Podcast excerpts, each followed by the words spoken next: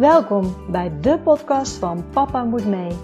De podcast voor reislustige gezinnen en de podcast die je meeneemt op onze reis naar onze wereldreis. We hopen jullie hiermee te inspireren. Reizen jullie met ons mee? Let's go! Welkom bij weer een nieuwe podcast van Papa Moet Mee. Ik heb vandaag weer een mooi interview voor jullie klaarstaan met een gezin met drie kinderen die op reis zijn geweest voor zeven maanden. Ze hebben hun reis zelfs nog wat verlengd toen ze onderweg waren. Ze zijn begonnen in Zuid-Amerika. Daar hebben ze ontzettend gave plekken aangedaan. Zoals uh, ze zijn begonnen in de Galapagos-eilanden bijvoorbeeld. En uiteindelijk zijn ze vanuit Zuid-Amerika met een korte tussenstop in Nederland doorgevlogen naar uh, Afrika. En daar hebben ze ook nog rondgetrokken en hun reis hebben ze afgesloten op Mauritius. Nou hoe ze het hebben aangepakt en hoe de reis is verlopen en wat het heeft gekost, dit alles hoor je in deze aflevering. Dus heel veel luisterplezier.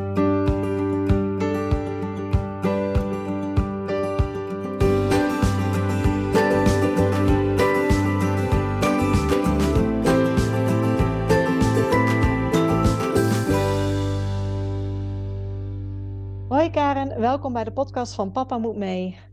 Hoi. Ja, nou ja, altijd uh, de eerste vraag. Zou jij jezelf en je gezin kunnen voorstellen aan de luisteraar? Ja, natuurlijk. Ik ben uh, Karen, ik ben uh, 41 jaar. Eh, ik woon in het mooie Brabant samen met mijn man Erwin en onze drie kinderen. Imke van 11, Niels van 9 en Elin van 6. En uh, wij zijn uh, gek op reizen. En we zijn uh, nu een maand geleden teruggekomen van, van een wereldreis met de kinderen. Ja, en ik, ik, ik, zei het net al kort voordat we de opname starten. Ik heb jullie reis op Instagram gevolgd. Het zag er geweldig uit, want jullie zijn op heel veel gave plekken geweest. Zag ik ja, al bij komen. Ja. Jullie zijn heel reislustig, want ik zie dat jullie voor deze wereldreis ook al veel reisden. Ja, klopt. Ja. Maar hebben jullie al eerder echt een keer een wereldreis gemaakt of was dit de eerste keer? Nee, wij zijn met z'n tweeën ook al een keer op wereldreis geweest. En dat was, toen was ik net klaar met mijn studie. En toen zijn we een half jaar uh, ook samen op wereldreis geweest. Uh, en daarna zijn we ook altijd uh, ja, blijven reizen met z'n tweeën, maar wel in de vakanties. Maar wel ja, ieder jaar eigenlijk buiten Europa. We dachten altijd als we kinderen krijgen, dan kunnen we nog naar Europa. Dat hebben ja. we ook wel gedaan, maar het loont het toch ook wel weer om uh, ook met de kinderen verder weg te gaan. En dus hebben jullie dat eigenlijk... toen voor die wereldreis ook al gedaan? Ook met de kinderen gingen jullie ook al verder weg? Ja, ja eigenlijk uh, ook al vrij snel. We zijn met de kinderen ook naar, uh, de, toen Imke 1 was al, zijn we naar de Cariben geweest. En we zijn naar Thailand geweest met ze. En vlak voor corona zijn we zes weken naar Indonesië en Borneo geweest met de kinderen. En toen was het reisvirus weer helemaal aangewakkerd, zeg maar. Het was er altijd al, maar toen dat was zo gaaf dat we echt dachten, ja, dit, uh, dit willen we nog veel meer gaan doen. Ja, want, want wanneer jullie reizen dus al heel veel, maar wanneer kwam dan voor jullie de wens om nog een keer op wereldreis te gaan, maar dan met de kinderen erbij?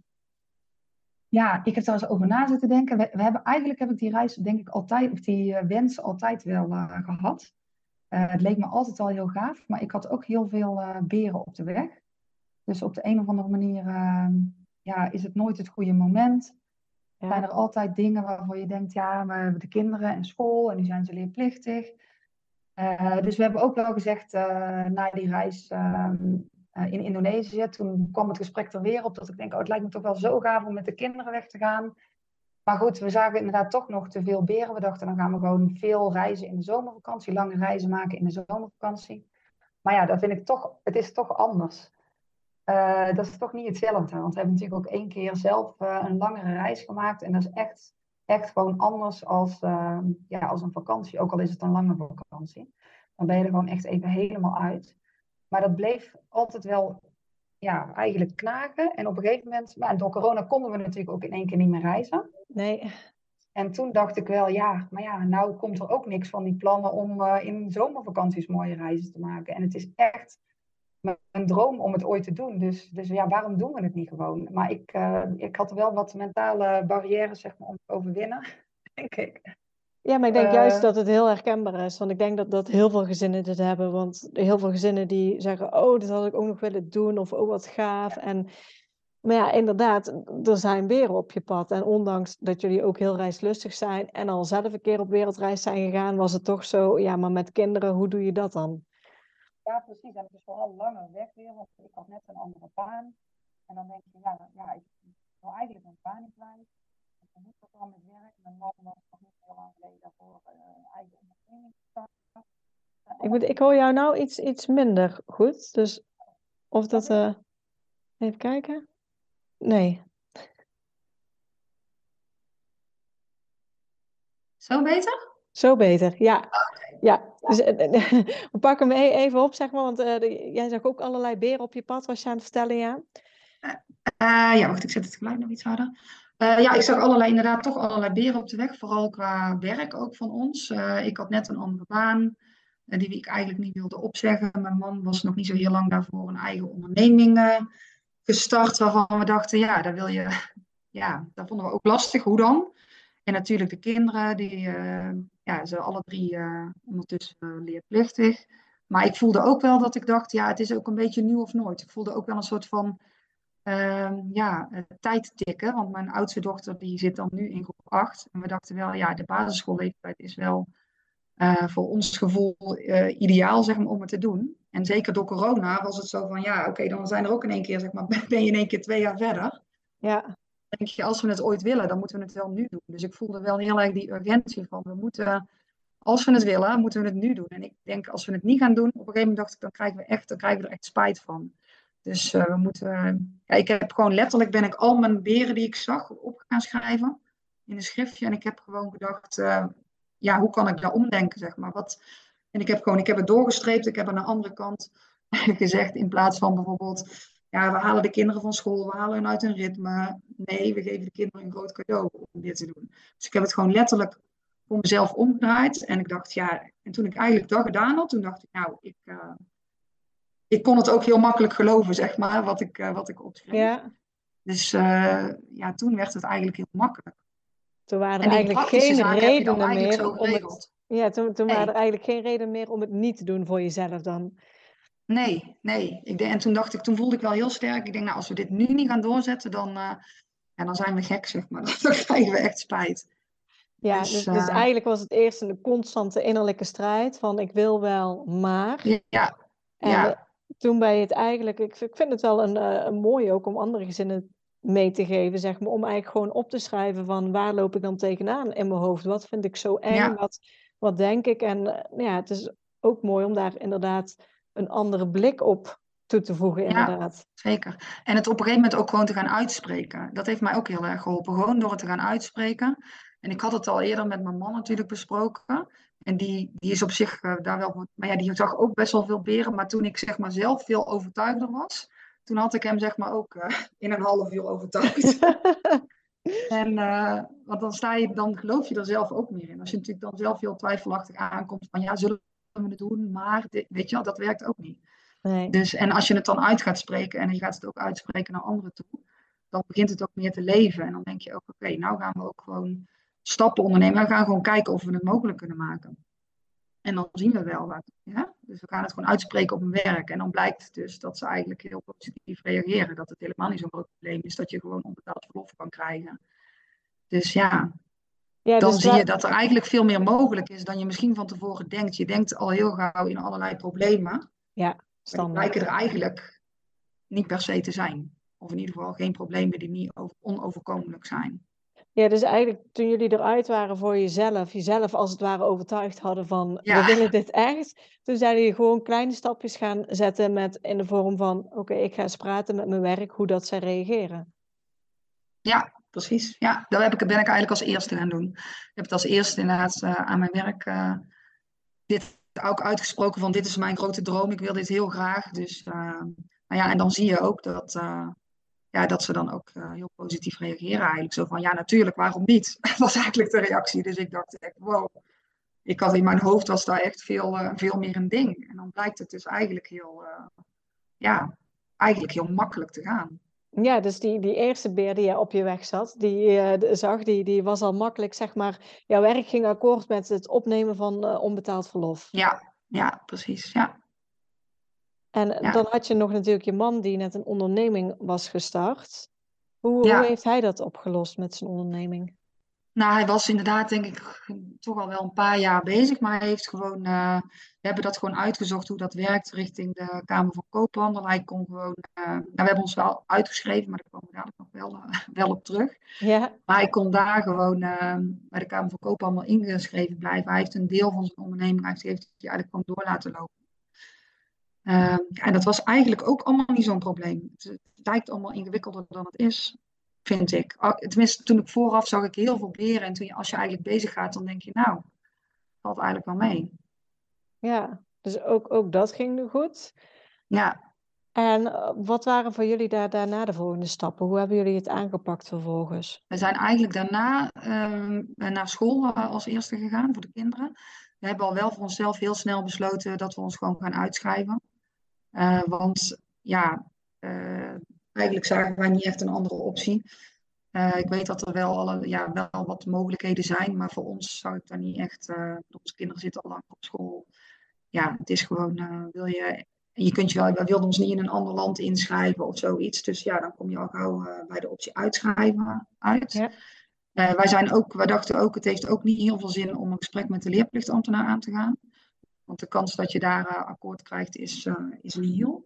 Dus we zijn eigenlijk naar de school uh, gestapt met dit verhaal. En we zijn er ook ingegaan van, nou, we verwachten niet van jullie dat je, dat je ons toestemming geeft. Hè? We begrijpen het, we gaan ons uitschrijven. We weten dat jullie dit niet voor ons kunnen regelen, zeg maar. Hè? Dus wij gaan ons gewoon uitschrijven. En we hopen dat jullie met ons mee willen denken over hoe wij het onderwijs voor de kinderen vorm kunnen geven. En dat de kinderen dadelijk, als ze terug zijn, weer gewoon in de klas kunnen instromen. Dat was eigenlijk onze insteek. Nou ja, de school die reageerde ook heel, uh, ja, heel erg positief eigenlijk. Ja, die zei je echt, ja, super gaaf dat jullie dat gaan doen. En die zei je, nou, we hadden het eigenlijk al verwacht dat jullie het een keer zouden doen. Oh. dus, ze keken er niet raar van op, zeg maar. Dus, uh, dus ja, en ja, eigenlijk was die, dus die hebben eigenlijk meteen zijn mee gaan denken van, nou, hoe kunnen we kunnen we eh, jullie ondersteunen. We hebben wel meteen ook aangegeven, ja, we verwachten natuurlijk niet dat leerkrachten daar heel veel tijd aan kwijt zijn. Of, uh, want wij snappen ook wel dat dat niet heel reëel is voor, uh, voor de school. Nee. Dus uh, denken, nou ja, als wij bijvoorbeeld boekjes mee kunnen nemen en als we contact, wij willen graag contact houden met de klas, dat soort dingen. Dus, dus ja, dat, is wel grappig, onze, voor onze kinderen was dat dan echt een ding. Die hadden, toen we een gesprek met de school gehad eh, hadden, toen zei ze, dus het mag van, uh, van de juf en de meester, dus nou kunnen we echt gaan. dat was voor hen, ja, maar normaal mag je natuurlijk nog geen dag vrij zijn, dus die dachten, nou, dat moet echt... Uh... dus dat was wel heel grappig. Ja, maar ja. wanneer hebben jullie het de kinderen verteld? Want die wisten voor het gesprek met school dus al wat jullie plannen waren. Ja, eigenlijk helemaal in het begin toen we het zelf uh, wilden. Toen hebben we ook aan de kinderen gevraagd van, nou ja, wat vinden jullie ervan? Lijkt het je iets? Nou, die reageerden meteen eigenlijk alle drie heel erg enthousiast. Zo van, uh, ja, gaaf. we wisten ook wel dat, tenminste ik had wel verwacht dat ze het leuk zouden vinden. We zijn natuurlijk, toen wij zes weken in Azië aan het reizen waren, toen waren we, we zijn begonnen in Singapore en toen weer geëindigd in Singapore. En toen we weer voor de tweede keer zeg maar, terug in Singapore kwamen, toen hadden we zoiets van, ja, kunnen we niet nog een keer het hele rondje weer opnieuw doen? Ja, dus uh, er was nog niemand had zin om naar huis te gaan. Of, dus, ja. dus ik had wel verwacht dat ze het echt leuk zouden vinden. En ze konden zich er in die zin ook wel iets bij voorstellen. Zo van, oh ja, zo'n reis. Ja, natuurlijk niet per se van hoe lang het is, maar wel zo'n reis als we al een keer gemaakt hadden, alleen dan langer. Uh, dus ja, ze reageerden eigenlijk heel, uh, heel enthousiast. Ja. ja, leuk. Ja, en de school was dus uh, ook enthousiast, wilde meewerken. Het scheelt eh, denk ik heel vaak als je gewoon meteen bij een school ook aangeeft. We gaan ja. uitschrijven. Uh, in die zin verwachten we niks van jullie inderdaad qua onderwijs op afstand. Want nou ja, dat is vaak met wat ze tegenwoordig allemaal moeten doen gewoon helemaal nee. niet haalbaar. Maar ja, we willen gewoon eigenlijk het kind onderwijs geven onderweg. En kunnen we daar samen iets inderdaad in de vorm van boekjes of uh, contactmomenten ja, doen, zodat ze klas zien ja. kunnen doen. Ja. ja. ik denk dat dat bij ons zeker geschild heeft. Als je daar zo ingaat, zeg maar, van, uh, want ja, van we verwachten niks van jullie, ja, dan is het, uh, dan willen scholen vaak ook, denk ik wel, meehelpen. Want ze, hebben, ze, ze reageerden ook meteen, ja, de kinderen leren er zoveel van en het is uh, zo gaaf voor de kinderen. Dus ja, dat zien zij ook wel. Maar ze, je zit natuurlijk als school ook aan allerlei regeltjes gebonden. Ja. Van de leerplicht, dus ja. Wanneer, wanneer zijn jullie dit allemaal gaan, gaan regelen met al deze gesprekken en... Uh... Nou, ik denk dat we iets meer dan een jaar voordat we vertrokken zijn, zijn we, hebben we de knoop doorgehakt, zeg maar. Volgens mij in maart 2021. En we zijn, uh, ja, toen zijn we denk ik, na de, vlak na de zomervakantie zijn we met gesprek met school aangegaan. En uiteindelijk zijn we dus in mei 2022 vertrokken. Um, dat was ook nog een beetje onzeker met COVID. Omdat we dachten van we willen wel een beetje de ruimte hebben. Dus we hadden een beetje nog een flexibele vertrekdatum, zeg maar, tot uh, denk ik ongeveer eind uh, tweede, Ik denk dat we ongeveer in januari 2022 echt uh, de datum, zeg maar, hebben vastgelegd met werk en zo. Oké, okay, toen pas. Want ik, wou, en ik was ja. inderdaad benieuwd van, van wanneer hebben jullie echt besloten, zeg maar, om te gaan en wanneer ging, ging ja, al die nou, we hebben het er uiteindelijk opgehouden van we gaan. ik wist dat ik moest nog een groot project van mijn werk afmaken. Dus dat, dat was ook de deal, zeg maar, dat ik, dat ik dat nou zou doen. Dus ik wist dat dat ongeveer tot uh, ja, maart, april uh, zou gaan, gaan duren. Dus we hebben gezegd, in principe vertrekken we daarna. Of als het nou met COVID nou nog heel erg vast zit, eventueel stellen we het nog uit tot de. Dus, maar ja, op een gegeven moment hadden we ook al door, je weet het toch niet. Je kunt het niet voorspellen.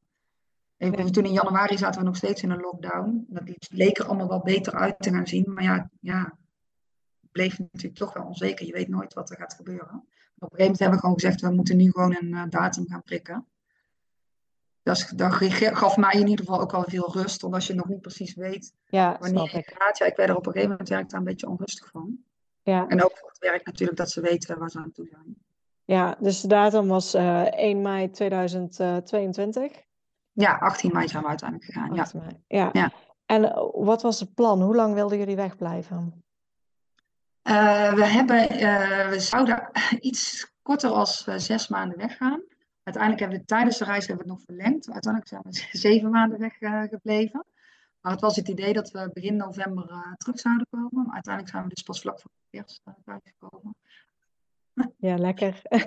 ja, want ik, ja, daar had ik al, we waren net weg en ik dacht, oh, we gaan veel te kort. Ik denk, dus dat gevoel had ik al meteen dat ik dacht, nee, het, we, moeten, we moeten langer langer gaan. Dus, uh, dus dat hebben we toen eigenlijk vrij snel geregeld dat we toch wat langer weg konden. Ja. ja. Ja, nou ja, dan jullie gingen je uitschrijven. Nou, daar zitten ook een paar haken en ogen aan. Hoe hebben jullie dat opgelost? Ja, inderdaad. Ik vond het best wel, het is best een beetje een soort vaag grijs gebied of zo, vond ik het. Want je, ja, natuurlijk heb ik van tevoren wel heel veel informatie opgezocht van wat moet ik allemaal regelen. Maar het is toch ook een beetje ja, het blijft toch wel een beetje vaag van. Het hangt een beetje af van de gemeente. Hoe ze, weet je wat, het is een beetje, ja, het is niet heel uh, of zo van dit zijn de stappen en dit moet je doen.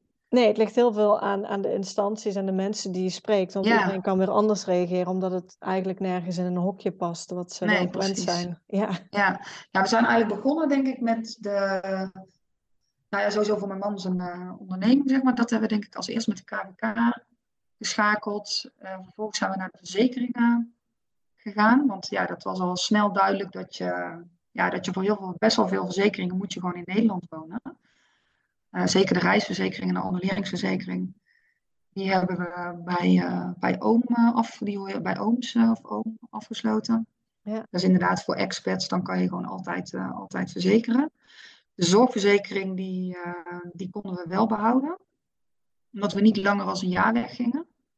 Dus dat was, ja, dat was heel, heel fijn. Ja, vervolgens hebben we alle, zijn we van een aantal verzekeringen nog geswitcht. Omdat, we, omdat je niet ook onze inboedelverzekering, volgens mij, ik weet het niet meer precies. Maar die, dus je moet echt alle verzekeringen nagaan. Wat de, we hebben ons huis bijvoorbeeld verhuurd. We moesten alle verzekeringen moesten we nagaan van of die. Uh, ja, of wat voor uh, regelingen die hebben. Je moet gewoon al die verzekeraars bellen. Ja. Uh, bij sommigen zijn we gebleven, bij anderen zijn we geswitcht. Ja. Dus dat is wel even een klusje. Ja, dit, in die zin is het even, even doen en doorheen bijten, want het is natuurlijk niet het leukste werk. Nee, nee, zeker niet. nee. het, het, moet wel uh, even gebeuren, inderdaad. Ja. En, en voor je zorgverzekering, heb je daar nog zo'n formulier moeten invullen van, van de SVB en daarna de, de WZL? Nee, ik heb daar niks van in hoeven vullen. Nee, want ik hoorde dat, ik, want ik luister op jouw podcast en ik hoorde mensen dat laatst allemaal zeggen. Ik denk, nou, ik heb niks ingevuld. Ik dacht, ik weet niet of ik het dan iets uh, vergeten ben, maar ik heb ze gebeld en uh, ze zeiden, nou nee, als je langer als, uh, als je niet langer als een jaar weg bent, dan kun je gewoon verzekerd blijven. Voor de zekerheid nog een brief, want ik denk, ik wil het wel zwart op wit hebben. Ja. Dus dat is uiteindelijk ook uh, geregeld. Um, dus dat. En voor de rest hebben we ja, een hele hoop adreswijzigingen naar alles en iedereen. je moet aan iedereen doorgeven, de SVB, je pensioenfonds, noem het maar op, wat je van plan bent en dat je weer terugkomt. Ehm, een tijdelijk postadres, dat soort dingen. Voor ons pensioen, pensioen hebben we ook nog wel iets moeten in formulieren moeten invullen omdat ik gedeeltelijk onbetaald verlof heb, dat je dan wel, dan heb je een soort van gratis verzekering krijg je dan, maar dan moet je wel van tevoren invullen dat als er dan iets gebeurt tijdens jouw onbetaald verlof, dat je dan toch recht hebt op nabestaande pensioen, dat soort dingen. Ja. Dat heb ik van tevoren, heb ik daar wat formulieren, die moet je werkgever dan ook tekenen. Uh, dus dat hebben we nog geregeld. Uh, ik zit even te denken, wat hebben we nog meer moeten regelen? Ja, natuurlijk ons huis. Dat, was ook, dat vond ik ook wel een ding. Dat ik dacht, wat doen we daarmee? Vond ik best wel lastig. Ja. Ik dacht, ja, wat gaan we ermee doen? Ik wilde het eigenlijk niet leeg laten staan. Uh, maar ja, verhuren. Ja, uh, we zaten eerst uh, te kijken van kunnen we het aan bekenden verhuren. Vrienden van ons zouden hun huis gaan verbouwen. Het zou ongeveer uh, tegelijk uh, zeg maar met ons vertrek zijn. Dus dan hadden we al bedacht dat wij dan ons huis zeg maar tijdelijk in konden of het konden huren. Alleen hun verbouwing liep helemaal uit. Dus dat, dat werd hem niet. Zeg maar. Die gingen veel later starten. Dus uiteindelijk hebben we het via makelaar verhuurd. We hebben wel gekeken om het via via te verhuren. Maar dat vond ik toch best wel een best wel een gedoe aan mensen die je via via kent. Ja. Uiteindelijk hebben we het via een makelaar verhuurd uh, aan uh, een gezin, een Zuid-Afrikaans gezin, expats. En dat is ons echt heel goed bevallen. Maar dat hebben we echt serieus, dat hebben we pas een week voordat we gaan, was daar allemaal rond. We zijn er echt pas, denk ik, drie weken voordat we gingen. Maar die makelaar zei, oh, ik heb dat binnen een week verhuurd, zei hij. Dus ik dacht, nou, ik had daar persoonlijk wel stress van. Maar dat komt omdat we waren eerst bezig met andere mensen en dat, ging allemaal, dat ging, lukte dan niet. En het ging allemaal net niet. En toen dachten we, ja, dan toch maar via makelaar. Uh, maar dat, ja, dat was echt super goed geregeld. Dus uh, uiteindelijk hebben we de hele periode hebben we verhuurd. Uh, ja, ja, en dat scheelt natuurlijk ontzettend veel in vaste ja, lasten die doorlopen. En, ja. Ja. ja, zeker. Ja, dat scheelt heel veel inderdaad. En het was ook heel goed geregeld, want zij regelen dus, dat, dat is wel echt een voordeel van de makelaar. Zij regelen dus ook echt alles voor je. Je hoeft niks te doen. Het is al het contract, maar ook als er iets is, iets zou zijn met het huis, zij, uh, zij zijn zeg maar het aanspreekpunt. Dus niet ja. dat je op reis bent en dat je dan allerlei gedoe hebt uh, met je huis. Dat is natuurlijk ook niet echt, echt nee. fijn. Ja. Nee, ideaal. Ja. ja. Ja, dus toen, een week voor vertrek, was het huis ook rond, zeg maar. Ja. Hadden ja. jullie uh, een, een, globale route of, of iets in gedachten waar jullie naartoe wilden? Want uh, nou ja, jullie wisten ja. eigenlijk pas een paar dingen vrij laat. Zeg maar de, de vertrekdatum, de echte datum wisten jullie vrij laat, dat het huis was verhuurd. Um, ja, hadden jullie dan wel een plan of was dat ook nog steeds vrij open? Ja, we hadden wel een plan. Nou, nou ik moet zeggen, ik heb echt honderd plannen gehad. Door COVID ook. Want ja. Het was echt zo, dat vond ik echt, uh, echt lastig. Want er is, het was zo, het ging all over the place. En normaal vind ik dat super leuk om te kijken waar gaan we naartoe, naartoe wat gaan we allemaal doen. Dat is natuurlijk eigenlijk het leukste deel van, uh, van de hele voorbereiding. Ja. Dus ik heb uh, allerlei plannen gehad.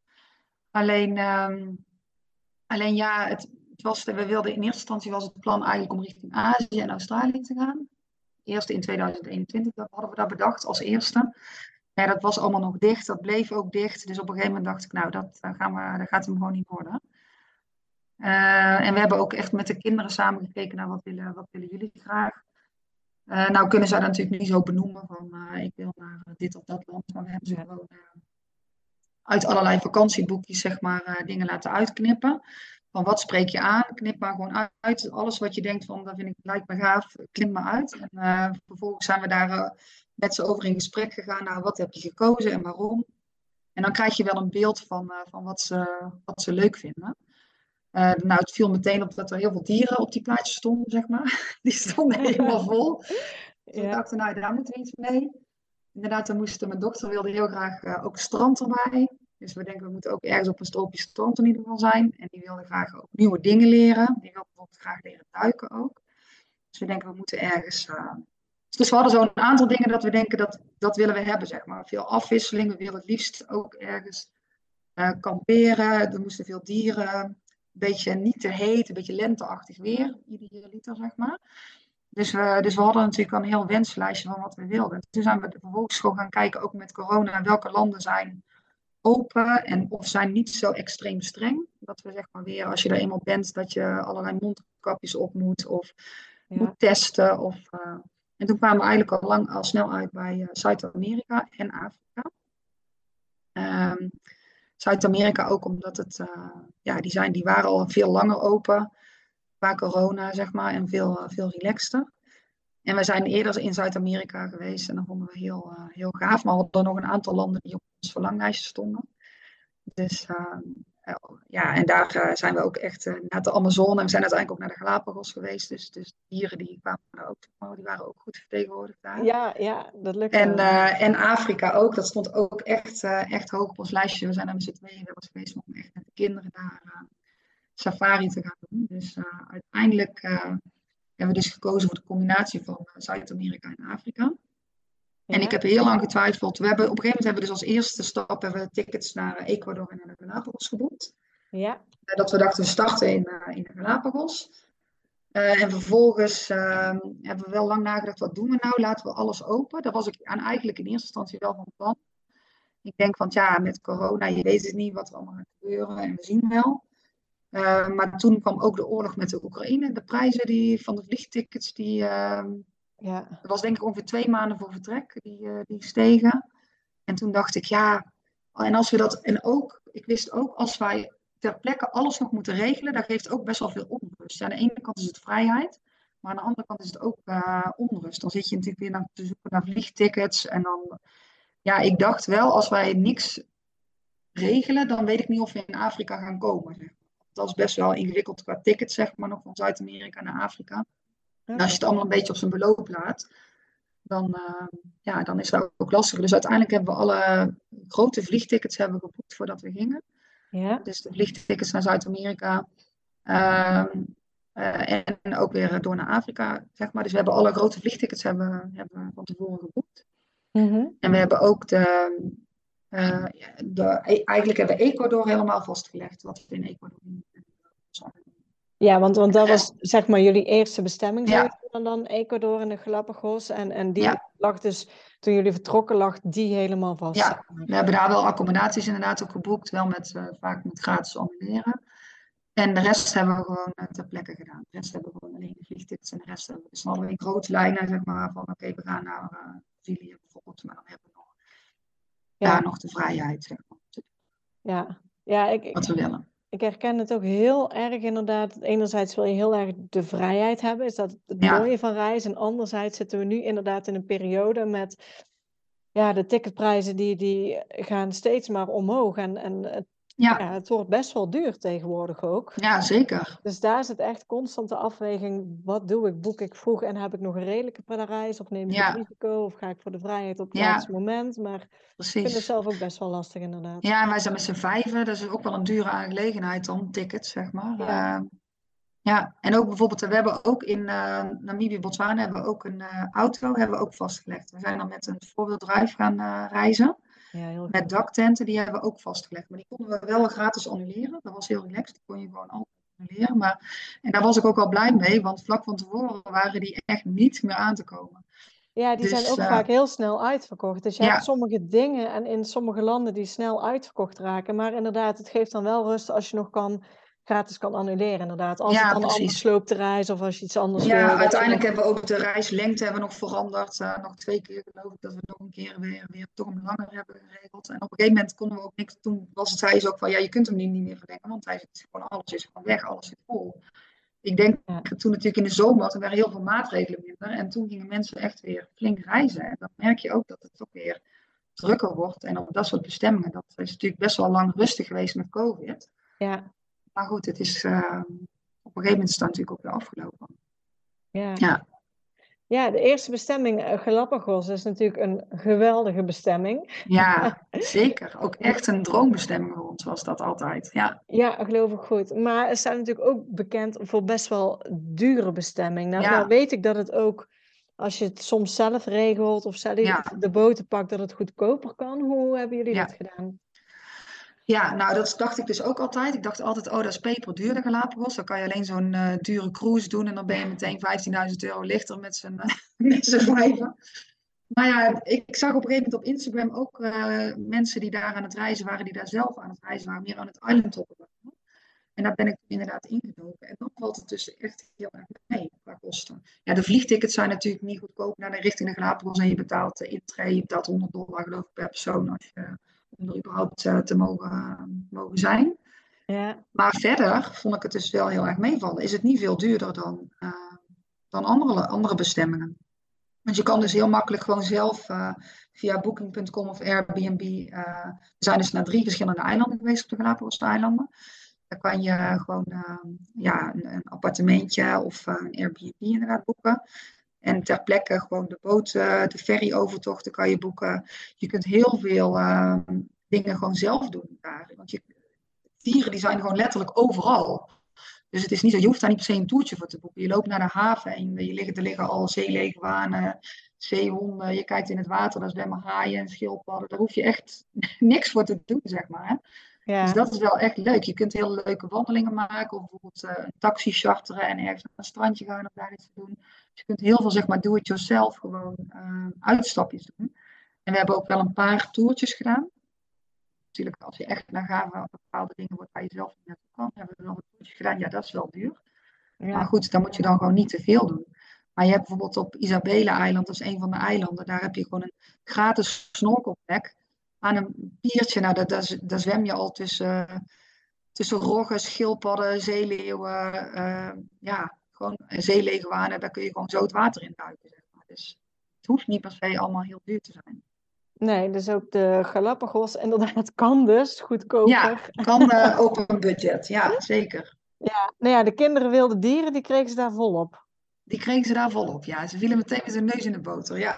Ja, hoe vonden ze het? Want, want daar staat de ja. Galapagos natuurlijk onbekend. Om al die dieren die alleen maar daar leven, ook sommige. Dus, uh... Ja, zeker. Ja, ze vonden het echt helemaal geweldig. Ja, het is echt, die beesten zitten gewoon overal. Je struikelt letterlijk over de zeeleguaan en de zeeleeuwen op het strand. En de, die rode krabben en de, die blauwvoetgenten. We hebben gezwommen met haaien, pingwings. Ja, het was echt, uh, echt uh, geweldig ja, nee, de kinderen die vonden dat meteen helemaal. En het is ook heel erg relaxed, want het is ook zo'n eilandleven. Ik vind eilanden, ik hou ook van eilanden. Het is altijd relaxed. Ze hebben ook schitterende stranden, een beetje zo'n tropische vibe. Met leuke cocktailbarretjes, leuke dorpjes. Het is ook gewoon, ja, het, is, het was echt een hele goede eerste bestemming voor ons. Ook echt een hele relaxte eerste bestemming. Dus uh, het was echt uh, heerlijk. Uit de drukte van thuis, zeg maar, uh, was het heel fijn om ja, dan naar die relaxte eilanden te gaan. Zeg ja. Hoe lang zijn jullie daar gebleven op de Galapagos? Wij zijn 2,5 weken op de Galapagos-eilanden geweest, dus over die drie eilanden verspreid. En daarna zijn we dus weer teruggevlogen naar, uh, naar het vasteland, naar Quito. Uh, en toen zijn we nog drie weken in Ecuador geweest. We zijn, in het begin, we zijn meteen, eigenlijk daarna zijn we naar de, na de Galapagos zijn we naar de Amazone gegaan. Uh dat was ook echt fantastisch. Dat vond ik ook echt een van de hoogtepunten van onze reis. Dat was zo gaaf. Dus echt met een, uh, met een bootje uh, de rivier af. Uh, super veel dieren gezien. Ook echt helemaal in de middle of nowhere. Hadden we een hele mooie lodge in de Amazone. We hadden daar met een gids, vijf dagen zijn we daar geweest. Gingen we kanoën en nachtwandelingen maken. Hiken door de jungle. Ja, echt geweldig. Daar zwemmen met zonsondergang in, in een meer ja, het was echt, dat was, uh, dat was echt zo, uh, zo fantastisch. Helemaal ver weg van, uh, van alles. Ja. ja, dat is denk ik misschien van onze, zeker van onze zoon, is dat nog steeds de favoriet. dus, ja. Want de, ja, die is ook helemaal zot op, gek, op, ja, gek op dieren, dus die vond dat echt helemaal geweldig. Ja, ja want bij Ecuador hoor je me meestal gaan mensen naar Ecuador voor de Galapagos. Maar ik heb ook een ander gezin gesproken die zei, nou we vonden eigenlijk het vasteland van Ecuador eigenlijk minstens zo mooi, misschien nog wel mooier. Ja, nou ja, wij zijn vooral de Amazone, vond ik, ja, dat is natuurlijk niet te vergelijken. Het is ook weer niet te vergelijken met de Galapagos, maar het, het doet er niet voor onder, vind ik. Want ik, we vonden het net zo leuk als eh, de Galapagos. En eh, we zijn daarna nog eh, door Ecuador gereisd. We hadden alleen een beetje de pech dat er toen protesten waren in Ecuador toen wij er waren. Er was heel veel onrust. ehm, en daardoor waren er ook wegblokkades. Dus we konden, we hadden net, we konden zeg maar, toen we uit de Amazone kwamen, konden we nog net eh, in Quito komen. En toen zijn we vanaf Quito zijn we naar een, stukje noordelijker gegaan, naar Mindo, naar Cloud Forest. Maar toen we daar eenmaal waren, wij wilden eigenlijk nog verder noordelijk, maar dat was eigenlijk niet meer mogelijk. Want er waren gewoon eh, wegblokkades. eh, ja, dan kan je er gewoon niet door. En, Ja. en protesten, dat soort dingen. Dus toen zijn we wat langer op één plek gebleven. Dat was op zich helemaal geen straf. Het was echt een super mooie omgeving met heel, ja, in zo'n cloud forest met hele leuke activiteiten. We zijn daar gaan ziplinen, gaan canyoning gaan doen van watervallen, nou vogels, toekans. eh, ja, je kunt heel mooi hiken. Dus dat was ook een geweldig eh, stukje. Maar ook wel spannend, omdat het steeds, we moesten op een gegeven moment natuurlijk weer terug naar Quito. En eh, ja, de weg was nog steeds dicht. Wij zijn er pas, pas toen we uit Ecuador weg waren, zijn de protesten opgehouden. Oh, zo, ja. Dus dat was wel, eh, ja, dus dat was jammer. Anders hadden we denk ik nog wel iets meer van, eh, van Ecuador eh, gedaan. Ja. Maar zeker, zeker de moeite waard. Ja, ja en, en vanuit Ecuador, waar zijn jullie daarna naartoe gegaan? Want had Ja, had je toen dat ticket dan ook al geboekt, zeg maar, vanuit Ja, Ecuador? die hadden we ook al geboekt. Toen zijn we vanaf Quito naar Cartagena, naar Colombia gevlogen. Nou, dat was meteen liefde op het eerste gezicht met Colombia. Oh, leuk. Ja, dat, dat vinden wij allemaal, is dan misschien wel eh, het favoriete land. Gewoon eh, de, ja, het is, ik kan het niet eens goed omschrijven, maar het is gewoon de, de sfeer, de, de, de mensen, de, de kleur, de, die Latin vibe die daar hangt. Het is super afwisselend land. Echt heel, he- hele vriendelijke mensen. Helemaal, van tevoren had ik ook wel een beeld van Colombia natuurlijk, wat iedereen heeft. Ja. Van eh, onveiligheid. Het heeft eh, een, een, een negatieve eh, lading eigenlijk. Ja. Maar ik, ik zie steeds meer ook gezinnen die naar Colombia reizen, inderdaad. Ja. Ja, absoluut. Wij vonden het echt een, een, heerlijk, een heerlijk land. Ja, het was echt, ja, die dorpjes, die gezelligheid. Het is echt heel anders Zuid-Amerika dan bijvoorbeeld Peru en Ecuador. Het is echt niet te vergelijken. Ja. Het is echt totaal andere. En ze hebben inderdaad ook groene bergen, koffieplantages, ook eh, jungle, strand, eh, woestijn. Ja, het is heel erg eh, afwisselend. Ja. Ja, dus daar zijn we vijf weken rondgereisd. Ja. Ja. En daarna zijn we naar eh, Brazilië gevlogen, naar Sao Ja. Paulo. Ja, en dat, ja, dat was voor ons ook wel een beetje de verrassing. Brazilië van Zuid-Amerika, denk ik, Brazilië. Eh, we kennen het eigenlijk niet zo goed. En Brazilië heeft ook best wel een slechte naam natuurlijk qua veiligheid. Ja. Maar mijn man die wilde er graag naartoe. En ik dacht, nou ja, het is wel echt, het leek mij ook super gaaf. Maar ik vond het ook wel een beetje spannend. Eh, met de kinderen toch? We, zijn, we, hebben, we, bedoel, we hebben meer in Zuid-Amerika gereisd. Ook in Peru en Chili. eh, dus, en Midden-Amerika ook met z'n tweeën. Maar toch vond ik dan toch Brazilië. Ja, je moet er ook niet gaan googlen, zeg maar. Hè? Op, eh, Nee, nee, nee. word je, maar het is, dan, dan denk je, oh mijn god, waar, beginnen we aan, zeg maar. Hè? Maar Ja. ja, ik, vond het, ik vind ook daar weer, het is, ik, wij hebben ons daar totaal niet onveilig gevoeld. Dus ik vond het ook een heerlijk land, Brazilië. Ja. Het is echt, Ja, de ik- mensen zijn, Ik denk dat je altijd zelf na moet denken, sowieso. Maar ik heb ook wel het gevoel dat er echt altijd heel veel spookverhalen gaan. Want ik ben zelf eh, een aantal keer in Brazilië geweest. We hebben Ja. daar eh, kennissen ook wonen, zeg maar. Dus eh, ja, ik vind het ook een heerlijk land. En ik heb me daar ook echt nog nooit onveilig gevoeld, inderdaad. nee, nee. Dus, eh, Nee, zeker. Kijk, en natuurlijk, je hebt sommige dingen, je kijkt in die landen wel uit. Je gaat niet, eh, niet zeg maar, eh, s s'avonds nog eh, door een grote stad lopen sjouwen. Of, eh, weet je, je, je bent wel, je neemt een soort basisveiligheidsmaatregelen in acht. Maar het is niet zo dat je dat de hele tijd bezighoudt. nee, Ik vond Brazilië, eh, want we zijn inderdaad van, eh, we zijn de kust, maar zijn meer in het zuiden gebleven, zeg maar, naar Parachi zijn we gegaan en dan naar eh, Ilha Grande. ja, Nou, dat is ook echt een grote favoriet van, van ons allemaal en van de kinderen ook. Dat is zo, ja, dat is echt my happy place gewoon. Dat is zo'n eh, fijn eiland. Daar, inderdaad, er zijn alleen maar zandpaden, daar komen geen auto's. Schitterende, ongerepte stranden. Iedere keer als ik daar was, dacht ik echt van, waarom komen hier, zijn hier niet meer mensen? Ik begrijp gewoon niet.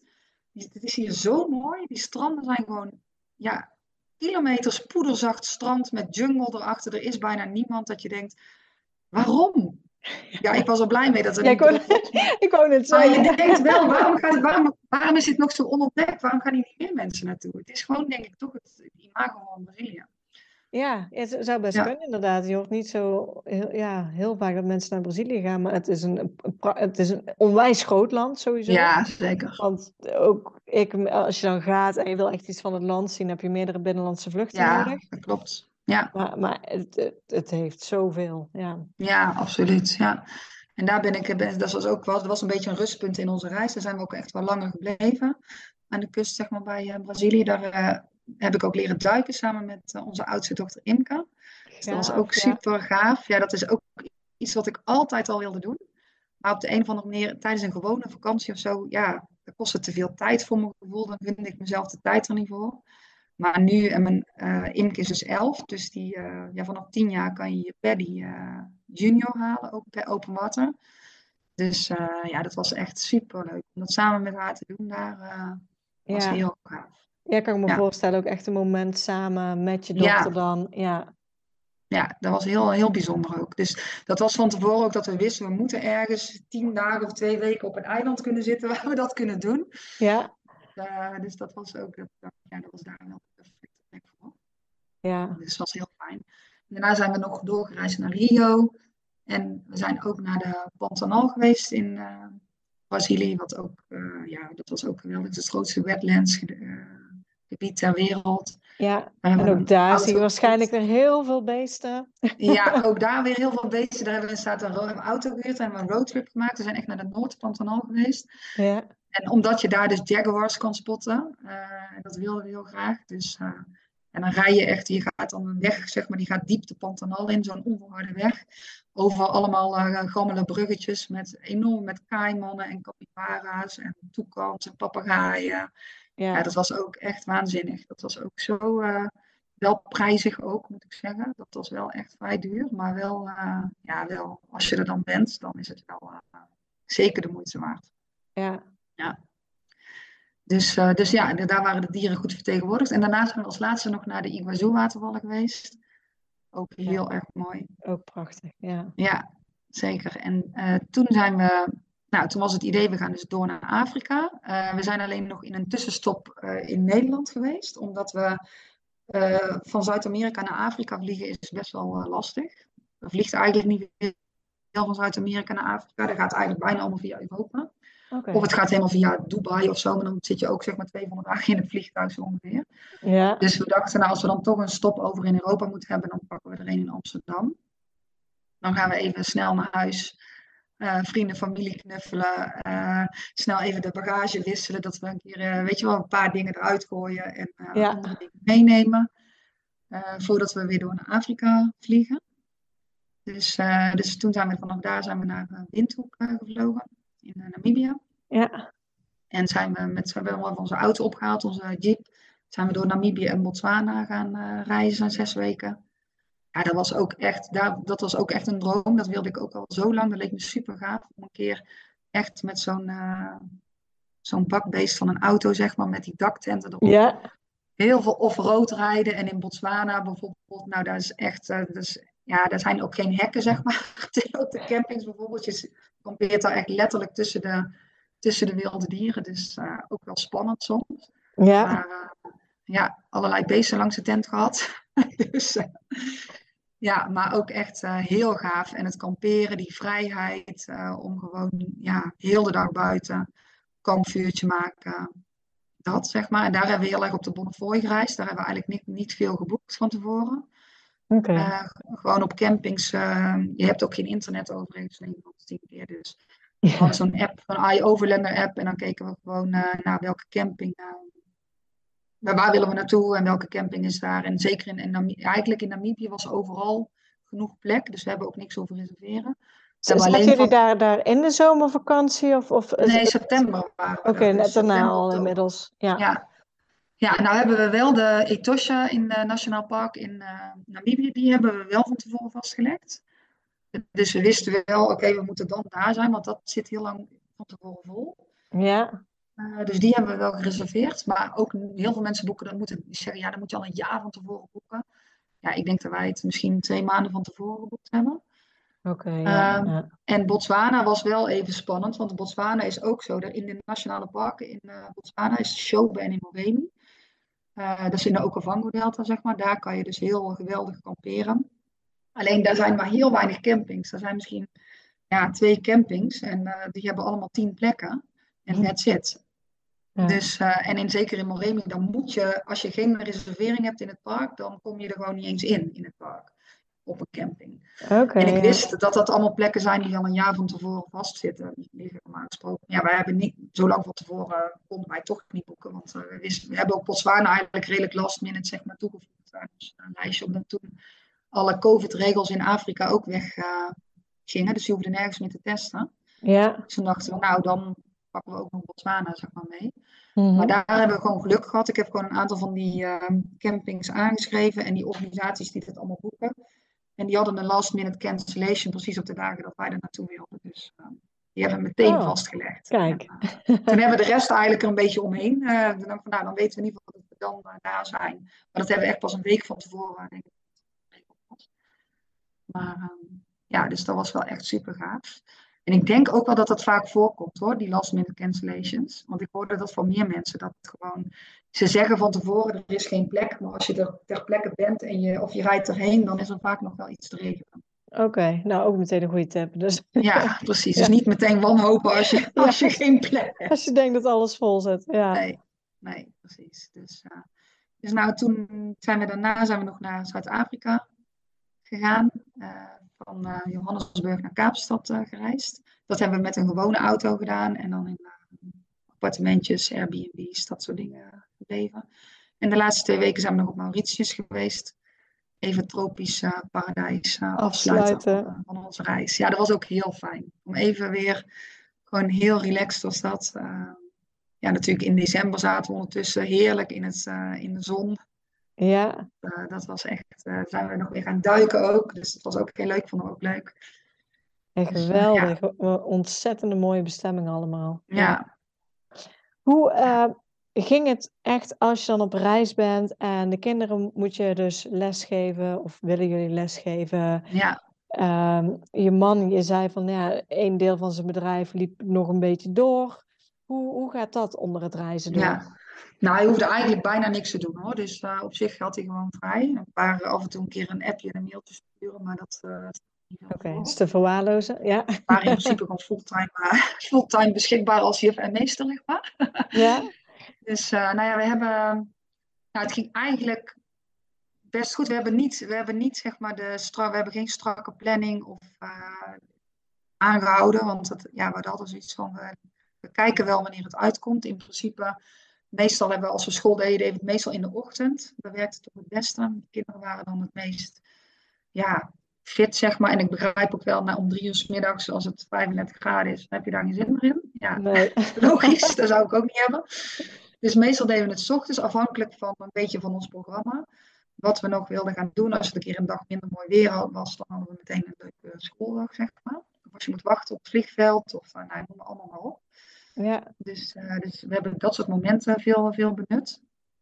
Um, ja, en op zich, en we hadden natuurlijk ook nog de zomervakantie erin zitten. We hebben niet echt ook geen zomervakantie aangehouden, dat we dachten, nu is het zomervakantie. Ja. We zijn gewoon, uh, soms uh, kwam het ons gewoon niet uit qua reizen, en dan deden we bij van een week niks. Um, ja, en dan pakte, pikte we het daarna weer op. Dus het was ook een beetje afhankelijk eigenlijk van ons reisprogramma. Ja. Hebben ze les gegeven en dan uh, vaak, wij dus, kozen dus eerder voor uh, vaker, maar dan kort. Bijvoorbeeld maar een uur of anderhalf uur. Als je dat s ochtends doet, nou ja, dan ben je ook zo klaar. Ja. Dat werkte beter dan uh, twee keer in de week er vier uur aan gaan zitten, zeg maar. Dat werkte bij onze kinderen niet zo lekker. Ja. Daar hadden ze dus echt heel weinig zin in. Ja. ja. En we hebben, ja. Was het veel gemopper of, of, of ging het wel aardig om onderweg nou, ook. Ja, bij onze dochters ging het eigenlijk heel uh, goed. Die, ja, die liepen ook allebei best wel ver voor op school. En die, uh, ja, die vinden dat ook gewoon leuk om te doen. Dus die ja, ja, dat ging allemaal vanzelf, zeg maar. Dus die vinden dat ook gewoon leuk om in een boekje te gaan zitten werken en te lezen en uh, noem maar op. Nou, bij ons zoon, onze zoon ging daar iets minder soepel af en toe. Die, dat is gewoon een heel ander kind. Het is veel meer een buitenkind en een speelkind. En die heeft echt niet zo heel veel trek in al die werkboekjes, zeg maar. Dus dat was af en toe was daar wel strijd. Of ja, strijd, ja, af en toe had hij er gewoon echt geen zin in. En dat is best wel eens lastig, want soms denk je ook van, nou kom op, maak het gewoon even. Dus daar moesten we ook wel een beetje creatief mee zijn. We hebben wel echt geprobeerd om zoveel mogelijk aan te sluiten bij wat we aan het doen waren en waar we op dat moment waren. Dus uh, bijvoorbeeld in Zuid-Afrika hebben ze heel veel over de apartheid gehad. Uh, hebben ze daar werkstukken over gemaakt. In de Amazone gaat het veel meer over natuurlijk over de natuur, maar ook over klimaatverandering. Nou, dus we hebben ook wel heel erg gekeken van, nou, zijn, in op de Galapagos hebben we het heel veel over de evolutie gehad. Dus we hebben ook echt wel gekeken van, ja, om aan te sluiten wat we aan het doen waren. Ja. Um, ja, en verder is het gewoon, uh, ja, toch proberen het een beetje bij te houden. De rest, zeg maar, de, de saaie stukken, zeg maar, van de spelling of waar die dan niet zin in had. Maar ik, ik heb ook wel de voordelen ervan ingezien. Want we hebben echt van alle drie onze kinderen echt kunnen kijken naar wat, wat hebben zij nou nodig. En uh, daar hebben we het op aangepast. We hebben geen standaard lesprogramma zeg maar, afgedraaid. Ja. onze oudste dochter, die, uh, ja, die loopt gewoon heel veel voor. Die, die verveelt zich zeg maar, op school. Dus om met haar nou uh, alles van school te gaan lopen herhalen, daar heeft zij gewoon niet zoveel aan. Ja. Zij heeft ook hele andere dingen gedaan. Ze heeft Spaans geleerd bijvoorbeeld. Weet je wel, hele andere. Ze kan nu echt vrij goed Spaans, dat soort dingen. Dus dat is dan wel, uh, wel heel erg leuk. En, en onze zoon heeft dan weer meer uh, moeite met spelling. Dus die had veel meer behoefte aan meer herhaling, zeg maar. Dus daar hebben we veel meer gehamerd op. Kun je in zijn tempo kun je veel meer werken aan automatiseren. In plaats van dat er weer tien nieuwe spellingsregels bij komen, zeg maar. Ja. Dus op zijn tempo gewoon uh, gewerkt. En net zoals de tafels, die moest je natuurlijk ook leren. Ja, dat, dat kan je ook gewoon doen als je aan het wandelen bent. Of als je in de auto zit. Daar hoef je niet voor op een stoeltje te zitten, zeg maar. Dus we hebben wel een beetje geprobeerd om het leuk te maken en een beetje creatief mee om te gaan. Uh, dat ze niet zo het gevoel hadden dat ze ja, veel, veel moesten doen, zeg maar. Ja, en hoe was het toen, toen ze terugkwamen eh, en weer in school moesten instromen? Wat, wat heb je daar nog aan gemerkt aan de kinderen? Nou, wij zijn natuurlijk wij zijn vlak eigenlijk uh, thuisgekomen en toen zijn ze een paar dagen naar school gegaan om een beetje te wennen. Het was natuurlijk alweer kerstvakantie. het was ja. twee weken kerstvakantie. Ze zijn nou eigenlijk pas twee weken weer, uh, weer op school. Uh, nou, dat gaat, eigenlijk gaat het heel goed. Ze stromen meteen, ja, ze stromen eigenlijk meteen in, ook met vriendjes en vriendinnetjes. Het gaat heel soepel. Alhoewel ik wel merk, uh, zeker aan mijn zoon, dat ik denk, nou ja, hij moet wel wennen. Hij zegt dat, dat alles goed gaat en dat hij nergens last van heeft. Maar als, ik merk gewoon dat hij wel, hij heeft thuis nu echt een korter lontje. Hij moet wel gewoon wennen aan weer hele dagen op school in het gareel. Ze hebben nu bijvoorbeeld ook net CITO-toetsen. Ja, dat zijn natuurlijk wel...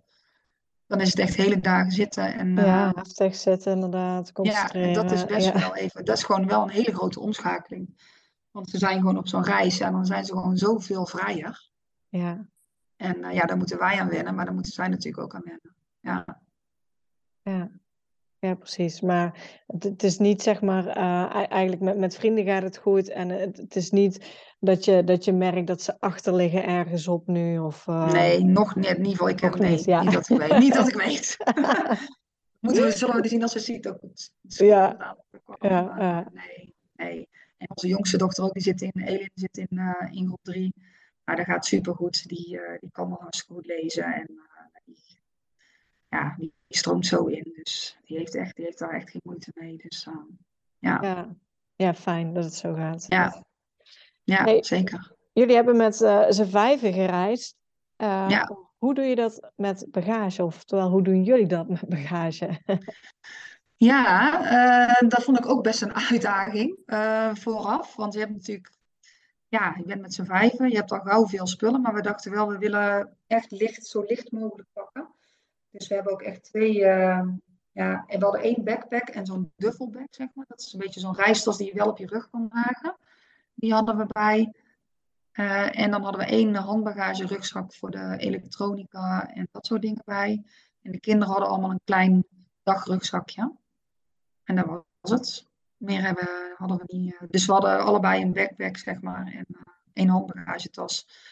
We dachten, ja, en kijk, zeker in Zuid-Amerika moet je het allemaal wel zelf dragen, zeg maar. Hè? Daar reis je met uh, taxi, bus, boot, vliegtuig.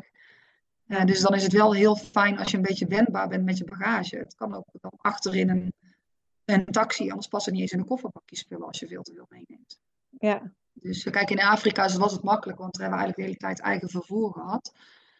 Uh, dus daar ben je wel iets, uh, ja, dan kom je met iets meer bagage wel weg, zeg maar. Maar we hebben echt wel moeten kijken van, uh, ja, wat nemen we mee? Ik moest bijvoorbeeld lachen toen we weggingen, was ik naar een outdoorzaak en die meneer, die man van die outdoorzaak, die verkoper, die zei echt, nee, je moet echt, de bergschoenen moet je mee, een goede bergschoenen. En dan moet je nog uh, gimpen en dan moet je absoluut tevas en je moet ook waterschoenen en slippers. Ik zei, ja, er zijn vijf paar schoenen. ja. vijf mensen, dan moet ik dus 25 paar schoenen meenemen. Ja, daar gaat hem dus niet worden, zeg maar dat. Nou, hij was er niet van overtuigd. Hij vond echt dat ik al die schoenen nodig had. Maar ja, dat uh, gaan we dus niet doen. Ja, dan heb je dus met z'n vijf 25 paar schoenen als je dat doet. Ja, dat kan gewoon niet. Nee. Dan, dan heb je één rugzak vol schoenen, zeg maar. Als je dat... dus je moet wel slim nadenken in wat je meeneemt. En echt over alles een beetje denken. Nou, hebben we dit nodig? En uiteindelijk denk ik dat we nog wat te veel mee hebben. We hadden echt nog, nog meer met minder weg kunnen komen. Ja. Ja, ja, maar het is uiteindelijk toch vaak dat je blijft altijd lastig inpakken. En ik hoor bijna bij iedereen, oh, halverwege hebben we of kleren naar huis gestuurd. Of zoals jullie zeggen van, oh, dan zijn we even in Nederland geweest en uh, geven we toch weer iets af. En, uh... Ja, precies. Ja, je weet, je hebt niet, e-, eigenlijk niet zoveel nodig. En alles is, heel veel dingen zijn ook te koop. Mocht je ergens op mispakken, kun je het vaak ook gewoon kopen. Dus, maar het is wel, ja, ik denk dan, ik, om de hele tijd dezelfde kleren aan te hebben, heb ik dan op een gegeven moment een hekel aan. Daarom zijn we ook, toen we gingen wisselen, was het wel fijn. Dan kun je weer een andere outfit uh, meenemen. Even weer iets nieuws, ja. ja, iets nieuws. Ja, maar uh, ja, je hebt eigenlijk niet veel nodig. Nu in Nederland zijn, denk ik alleen maar, oh mijn god, wat hebben wij veel spullen. Het is ook wel heerlijk om wat minimalistischer te leven. Je hebt gewoon twee tassen, daar zitten al je spullen in ja, alles wat je hebt gebruik je. Ja. ja. Dat beviel ons wel heel goed. Ja. Ja, ja, uh, nou ja zo'n zo'n reis uh, kost natuurlijk uh, geld. ja. Hoe, hoe hebben jullie van tevoren, zeg maar, voordat je die wereldreis ging maken, um, bedacht, zeg maar, van, van hoeveel geld hebben we nodig en hoe ja. komen we dan aan het geld? Hoe hebben jullie dat aangepakt? Ja, we hebben van tevoren wel een budget gemaakt. Uh, op, we hadden natuurlijk wel een, de vliegtickets. Nou, dat wisten we voor. We hebben natuurlijk eerder al een budget gemaakt in het begin. Gewoon gedacht, nou ongeveer, wat zijn we ongeveer kwijt aan vliegtickets? Gewoon een uh, grove schatting op basis van hoeveel vluchten we ongeveer willen doen. En wat, wat je ongeveer wel weet wat het, uh, wat het kost. En verder hebben we gewoon gekeken naar een budget per dag, per, per land ook op basis van eerdere reizen en uh, dat je weet, oké, dit is een wat duurder land, dit is een wat goedkoper land. Dus zo hebben we ongeveer gekeken, nou ja, wat hebben we ongeveer, denken we ongeveer nodig te hebben, plus nog een x bedrag voor, ja, een beetje uitspattingen, zeg maar, hè? echt gave dingen die je graag wil doen. Ja. die duurder zijn, ja. Dus zo heeft het eigenlijk, en dat is redelijk uitgekomen eigenlijk. Sommige ik denk wel, sommige dingen waren door COVID, denk ik, juist duurder. Wel duurder geworden. Als ik dan mm. soms keek in een uh, Lonely Planet, die dan misschien nou 1, 2 jaar oud was, dan waren de prijzen soms echt verdubbeld van, uh, van activiteiten.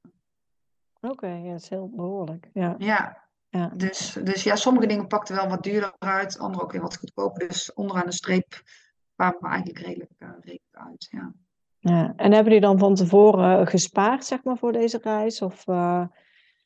Ja, we hadden niet per se met dit spaardoel. We hadden het geld eigenlijk gewoon, zeg maar. Dus we hebben niet specifiek...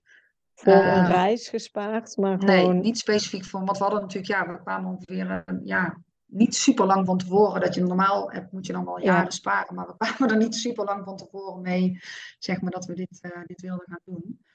Dus we, hadden, we hadden genoeg, genoeg spaargeld. Ehm, dus ja, we dachten, nou ja, dan, uh, dus dat was voor ons geen barrière of zo om de reis. Dat we dachten, we moeten eerst zoveel geld hebben voordat we kunnen gaan. Ja, nee. ja fijn. Ja. Kan, kan je delen wat het ongeveer heeft gekost, jullie, jullie reis voor vijf personen? Ja, wij, ja, want we hebben dat allemaal bijgehouden. Ik had zo'n app, maar, waar je al je uitgaven ja. in kunt bijhouden. Dat is ook echt wel een tip trouwens, want je houdt je wordt er ook op de een of andere manier van als je het moet invullen, vind ik altijd. En, uh, en uh, ja, je hebt gewoon betere inzicht in wat je, wat je uitgeeft. Dan kan je een beetje in de gaten houden van zitten we een beetje op koers of is het wel heel duur. Dan moeten we even iets goedkoper doen, zeg maar. Dan uh, ja. gaan we even iets minder uit eten of we gaan iets minder, weet je, we gaan iets goedkoper doen. Dus dat was heel fijn. Dus daar heb ik het in bijgehouden. we zijn, ehm, even kijken, we zijn rond de 55.000 euro kwijt geweest voor de reis. Voor zeven maanden. Ja, Tussen de 50 vijf personen. Ja. Ja. ja. Oké. En nou ja, uiteindelijk dan uh, zitten jullie op een tropisch eiland. En dan na de tijd dat de reis echt voorbij is. Ja, dat was minder. ja. Hoe, hoe is dat dan als je weer terug naar Nederland gaat? Ja, dat was best, uh, ja, we hadden eigenlijk niet echt veel, veel zin om naar huis te komen. Het was natuurlijk ook uh, de winter. We zeggen ook als we nog een keer doen, dan gaan we niet in de winter terugkomen, zeg maar. Want dat is echt best wel deprimerend.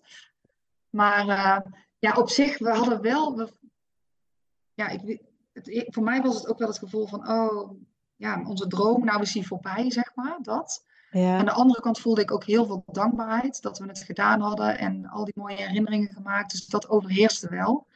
Uh, dat we denken, ja, we hebben zo'n gave reis gehad inderdaad. We hebben zo'n, uh, het is ook allemaal goed gegaan. Er is niemand ziek geweest, uh, ook thuis niet. Weet je, het is allemaal ja, gegaan zoals we wilden. Dus het was ook wel heel erg de dankbaarheid die overheerste. Maar ja, het deed ook wel weer pijn toen we het vliegtuig in moesten. Dat ik dacht, ja, we hadden ook natuurlijk, ja, je hebt altijd wel weer zin om je familie en vrienden te zien. Het zat natuurlijk ook net kerst en oudjaar kwam eraan. Dus daar hadden we ook wel weer heel veel zin in. Maar het was wel met een heel erg dubbel gevoel. Aan de ene kant, ja, ook leuk om iedereen weer te zien. Maar aan de andere kant ook wel verdrietig dat we, ja, dat uh, onze reis uh, voorbij was. Uh, ja. ja, ja. Ja, en, en nu zijn jullie dan ja, misschien ja. een maandje thuis, zoiets ongeveer? Ja, we zijn al vier weken thuis, ja. Hoe, uh, hoe ja. is het nu om, om thuis te zijn? Want ben je alweer aan het werk? Of, uh... Ja, ik ben nu twee weken weer aan het werk. Ik kan nog twee weken vrij in de vakantie ook. Het was op zich wel heel lekker om in de, vlak voor een vakantie thuis te komen, ook voor de kinderen. Mm -hmm. Dus uh, die konden, ja, dan als, moet het meteen weer in het gareel. Dus nu konden ze nog lekker uh, met, uitgebreid met vriendjes en vriendinnetjes logeren en spelen en afspreken en uh, noem maar op. Dus dat hebben ze ook echt heel de vakantie gedaan. Maar ja, ik, ik, persoonlijk, ik moet wel heel erg wennen. het weer sowieso, ja, dat is echt heel zeurderig. Maar het is zo'n verschrikkelijk weer. ik denk dat we drie weken thuis waren toen ik voor het eerst de zon zag. Het is natuurlijk ook heel grijs en grauw en donker en regen. Ja. Dat vond ik wel echt dat ik dacht, hebba, wat doe ik hier? dat. Ja. En het is ook weer in het, uh, ja, in het gareel, zeg maar. Dat vind ik ook wennen. Dat er weer van alles moet. En uh, ja, dat. Maar aan de andere kant is het ook wel alsof je nooit weg bent geweest. En ik zeg ook altijd, we hebben... Ja, we zeggen ook altijd tegen elkaar, we hebben hier ook een heel leuk leven. Dus het is niet dat dat ons leven hier niet leuk is. Dus het is ook geen straf, zeg maar, om daar naartoe te gaan. Maar ja, ik ben toch net iets liever op reis, zeg maar. ja. ja. Ja, snap ik. Um, ja, heb jij verder nog tips voor gezinnen die um, ja, eigenlijk ook op wereldreis willen, misschien hetzelfde hadden als jullie helemaal in het begin van, van ik wil ja. wel, maar ik zie zoveel beren op ja. pad. Ja, het is heel cliché misschien, maar als je echt die wens hebt, dan, ja, dan moet je het gewoon gaan doen. En je moet, je moet niks natuurlijk, maar dan zou ik je echt aanraden om, het, uh, om gewoon eens proberen je beren uh, inderdaad op papier te zetten. En kijk er eens naar en probeer ze eens om te denken. Uh, want ik denk dat je er alleen maar spijt van krijgt later als je het niet gedaan hebt. Als ik ook zie met ons gezin, zeg maar, hoe, het, hoe waardevol... Kijk, natuurlijk heb je, gave, je hebt de gave bestemming gehad, gave reizen, maar ook de tijd die je met je gezin hebt is ook zo waardevol. Dat je echt al die tijd, uh, ja, wij dan met z'n vijven zijn, dat is ook heel erg kostbaar. Ja. Dus ja, uh, ga, het gewoon, ga het gewoon onderzoeken voor jezelf en spreek het uit inderdaad. en dan, want heel veel mensen zeggen ook tegen ons als we zeggen dat we op prijs zijn geweest, oh gaaf, ja, dat zou ik ook wel willen. Dan vraag ik ook altijd, ja, waarom doe je dat dan niet? Ja, werk. Weet je, er zijn altijd allerlei redenen te bedenken om niet te doen. Ja. Maar heel vaak hebben mensen niet eens ooit gevraagd aan hun werk. Zou het, zou het kunnen? Dan denk je al van tevoren, zie je allerlei beren die er misschien niet eens zijn. Ja. Dus je wordt er nooit slechter van, zeg maar, om het gewoon uit te spreken en het gewoon te gaan onderzoeken uh, of het mogelijk is. En dan kan er waarschijnlijk heel veel meer dan je van tevoren denkt. Ja, super. Ja, Ja, eh, mocht iemand eh, nog op Instagram eh, terug willen kijken naar jullie reis, waar kunnen ze jullie dan volgen? ja onze account heet Wereld door Kinderogen. Ja, en Daar kan je alles terug. Ik ben nog steeds niet klaar met alles delen van de reis. Ja, snap Maar ik. Als je dan op reis bent, is ook lastig. Ja. Maar daar kan je in ieder geval alvast heel veel eh, terugvinden van onze. Ja, en als mensen ooit vragen hebben of eh, dingen willen weten, kunnen ze me ook altijd via Instagram een berichtje sturen. Dat vind ik alleen maar leuk. Dus, eh, Ja, super. Ja, dan wil ik jou ook, eh, ik kom niet meer uit mijn woorden, dan wil ik jou ook heel hartelijk bedanken voor ja, de tijd, zeg maar, nou dat je een maandje terug bent, dat je al met ons jullie ervaringen wil delen en voor je openheid. ja, heel graag gedaan. Ik vond het heel erg leuk om te doen.